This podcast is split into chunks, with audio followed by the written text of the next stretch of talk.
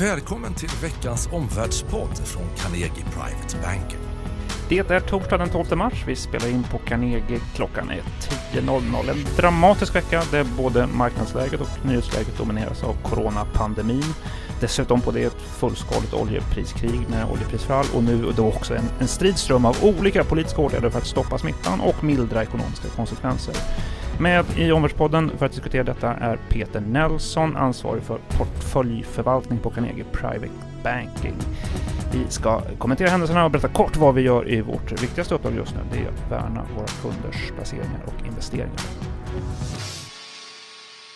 Peter, vi har sett både eh, historiskt snabba och historiskt branta fall på de finansiella marknaderna. Inte minst då de eh, globala börserna. Eh, mycket besvärlig vecka. Hur skulle du utveckla omdömet om marknadsläget just nu?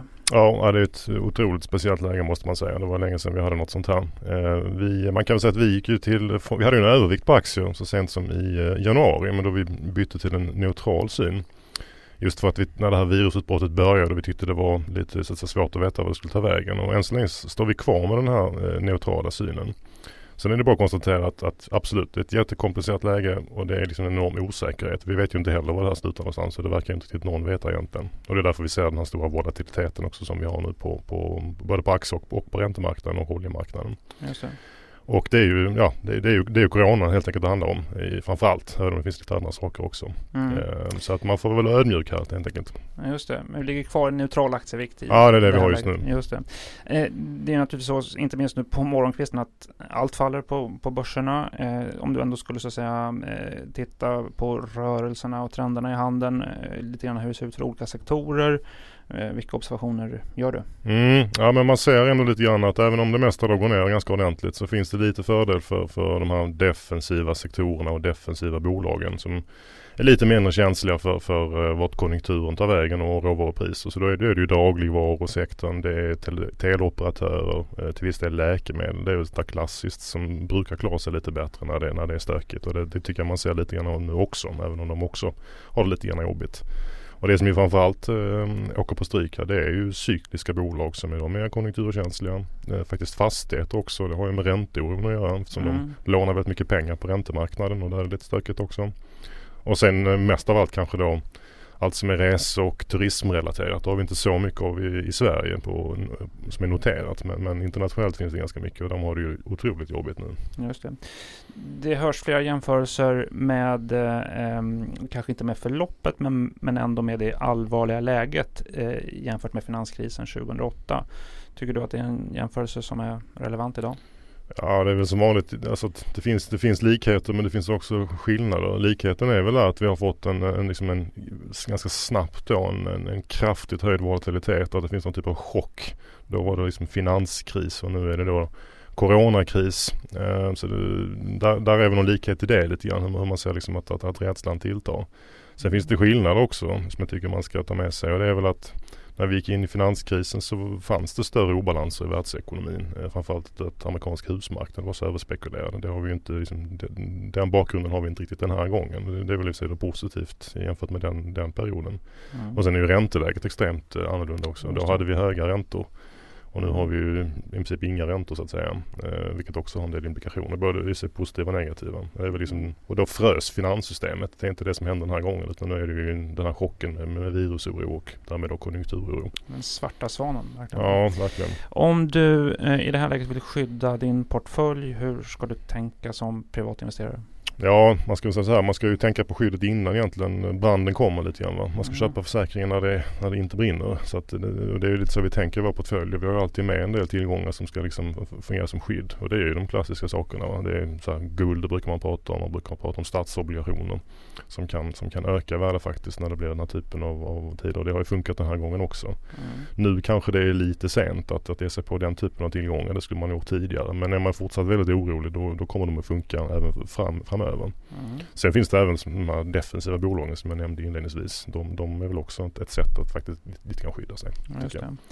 Eh, som sagt, eh, besvärlig vecka men eh, för den långsiktiga investeraren eh, ser du möjligheter också i, i det här marknadsläget? Absolut, men det här handlar jättemycket om tidshorisont. Och det är mm. lätt att glömma bort det där när det blir så här vilken tidshorisont man har på sina investeringar. Mm. Men för den då, om man nu är långsiktig och verkligen är det då kan det vara ett ypperligt läge att till exempel då rebalansera portföljen som vi brukar säga. Det vill mm. säga att har man glidit ner ganska mycket i sin aktieexponering då kan det vara läge att börja plocka på sig lite grann igen. Det är naturligtvis omöjligt att veta exakt när det är rätt timing men mm. har man lite längre tidshorisont så kan det här vara ett bra tillfälle. Mm. Men rätt dag vet vi aldrig förrän efteråt vilken, när den kom så att säga. Men jag tror mycket på att hålla sig till sin strategi om man nu hade någon från början. Mm. Det är inte nu man ska byta strategi eh, när det blir så här. Det blir sällan, det blir sällan bra. Det. Läget förskjuts ju också eh, mycket snabbt dag från dag, nästan timme till timme. Prognoser och bedömningar blir rätt snabbt överspelade nu här av verkligheten. Eh, men ändå då, vilka faktorer tycker du är viktiga att hålla ögonen på framåt för privata investerare? vad är det som styr börsen nu? Ja, nej men det blir ju det här med virusspridningen på något sätt som ju just nu då känns som att det håller på att eskalera i, i vårt närområde åtminstone. Mm. Så att hålla koll på den och då måste man ändå nämna det att i Kina där allting börjar så ser det ju faktiskt lite bättre ut. Mm. Eh, de verkar ändå ha fått viss koll på det här. Det är inte alls lika mycket nya fall och man ser att ekonomin där börjar rulla igång igen. Eh, det är ju det som är det positiva i sammanhanget. Sydkorea likadant. De var väl näst, näst i, i tur. Börjar också se som att det stabiliseras lite grann. Va? Så att där har vi, det är där det positiva finns. Om, om vi kan få den utvecklingen hit så småningom då, då, då, kan ju det här blåsa över. Va? Men vi är inte riktigt där än. Va? Vi ser att just nu slår det med full kraft i Europa och USA väl, ligger väl ytterligare lite grann efter då i, i utvecklingen. Va? Just det, när virusspridningen så att säga toppar ur, ja. när det flackar ur eh, styrande faktorer. Någonting mer? Att, ja, det är att ekonomin kommer igång tror jag. Va? Att folk går till jobben liksom och att man ser att allting rullar igång igen. Det, det är, där, det är där vi har liksom, möjligheterna i det här på något sätt. Ju.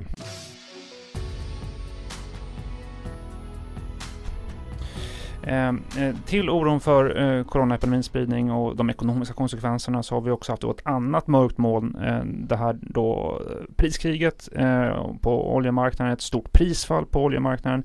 Delvis på grund av förväntningar också om en fallande ekonomisk eh, aktivitet. Eh, om vi ser till just eh, det här prisfallet, vad, vad, tycker du är viktigaste konsekvenser för, för, för konjunktur och för, för svenska bolag? Ja, alltså man brukar säga det att, att oljeprisfall egentligen är netto positivt för, för ekonomin, åtminstone på sikt. Va? Men det när det blir så kraftiga rörelser då blir det det här liksom, ytterligare någon typ av oro som, som sprids. Eh, mm. Sen är det naturligtvis inte bra för oljeproducenter, länder som, som, som lever på det. Men, men för, för, ekonomin totalt brukar det vara bra och det även för, för konsumenter brukar det vara bra eftersom det blir lite som en sänkt skatt kan man säga på ett sätt. Mm. Eh, och sen i Sverige är det en ganska liten sektor kan man också säga. Så vi påverkas ju inte så mycket av det. Eller svenska bolag. Det är ju värre i Norge till exempel. Då. Just det. Du, ändå då givet eh, oljeprisfallet, vad, vad, vad, vad, ser du för relativ vinnare eh, och relativ förlorare mm. på, på prisfallet? Ja men det blir ju länder som importerar är vinnare, konsumenter som jag sa är vinnare. Sen finns det då bolag, det kan man ju nämna på ett exempel. Det är liksom Electrolux och Essity, två svenska bolag som har ganska mycket kostnader för, för, för oljerelaterat. De kommer ju gå ner. Mm. Flygbolag är faktiskt vinnare på just den parametern, har de ju andra problem. Och överhuvudtaget bolag som sysslar med transporter där oljan är liksom en viktig kostnadsparameter. De, de kommer ju någonstans att tjäna på det. Mm. Givet det här då eh, så att säga, särskilda marknadsläget med både oro för coronapandemin och, och oljeprisfallet. Hur agerar du i den portfölj som du särskilt förvaltar? Det är ju svenska aktier. Ja, Nej, ehm, vi försöker ju verkligen inte agera i panik här utan vi har ju haft lite grann en defensiv inriktning på portföljen eh, med relativt mycket exempelvis hälsovård i portföljen. Och det har ju ändå funkat hyfsat då även om det också har fallit. Eh, så har det inte fallit lika mycket. Så att vi fortsätter väl tills vidare med den strategin och komplettera det med en, en bunke, det vi kallar för liksom konjunkturokänsliga aktier. Det kan vara teleoperatörer dagligvaror som jag nämnt lite grann tidigare. Eh, däremot funderar vi på att börja så smått öka vikten lite grann i små steg. Eh, i sånt som kanske har fallit lite väl mycket men som är bra bolag som vi tror kommer att ta sig igenom det här som inte hamnar i för stora problem. Så mm. det är liksom så, just nu tror jag det är nästa steg men det, man får göra det väldigt försiktigt eftersom det är så otroligt hög volatilitet. Stort tack Peter för medverkan.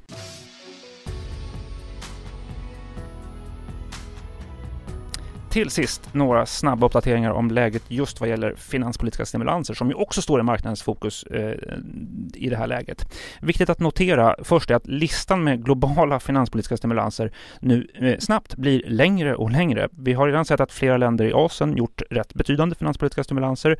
USA hade ett paket på 8 miljarder dollar, Australien ett paket på 6 miljarder dollar och Italien har ett jättepaket på 25 eh, miljarder euro. Storbritannien presenterade också stora stimulanser stimulanser i veckan. Eh, Tyskland kommer göra en del, kan göra mer än vad man redan aviserat. Dessutom har ju EU nu signalerat att man öppnar upp det finanspolitiska regelverket och ramverket vilket möjliggör fler eh, stimulanser från fler länder.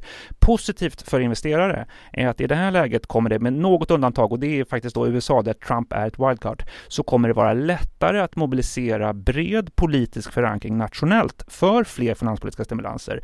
Det är enklare, det är politiskt enklare nu att göra detta jämfört med 2000 2008 just därför att nu står faktiskt då allmänhetens hälsa och säkerhet på spel. Åtgärder eh, nationellt kommer att se olika ut givet att systemen nationellt är olika utformade. De kommer komma i, i olika faser i olika tillfällen just därför att det tar tid att pass, det ska passera parlament och politiska beslutsprocesser plus att läget också ser olika ut förstås i, i olika länder. Eh, en central frågeställning är just detta, titta på Tyskland. Vad gör tyska finanspolitiska stimulanser? Stor betydelse för, för Europa naturligtvis. Titta också på utformningen av finanspolitiska stimulanser. Modeller och åtgärder som tar ner risken för varsel eh, och som på motsvarande sätt också ger likviditet till företag och minskar risken för konkurser kommer mottas positivt av marknaden för det där är centralt för att hålla uppe ekonomin i, i, i det här läget. Stimulanser kommer också på kort sikt att vara lugnande för de finansiella marknaderna.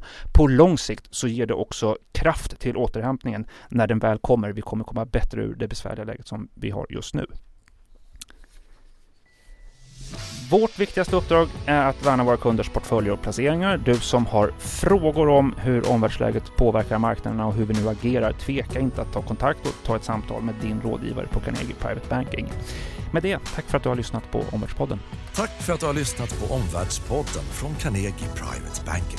Vill du veta mer om vad som händer i vår omvärld och få aktuella idéer till affärer? Gå då in på www.carnegie.se veckans viktigaste och prenumerera på vårt nyhetsbrev.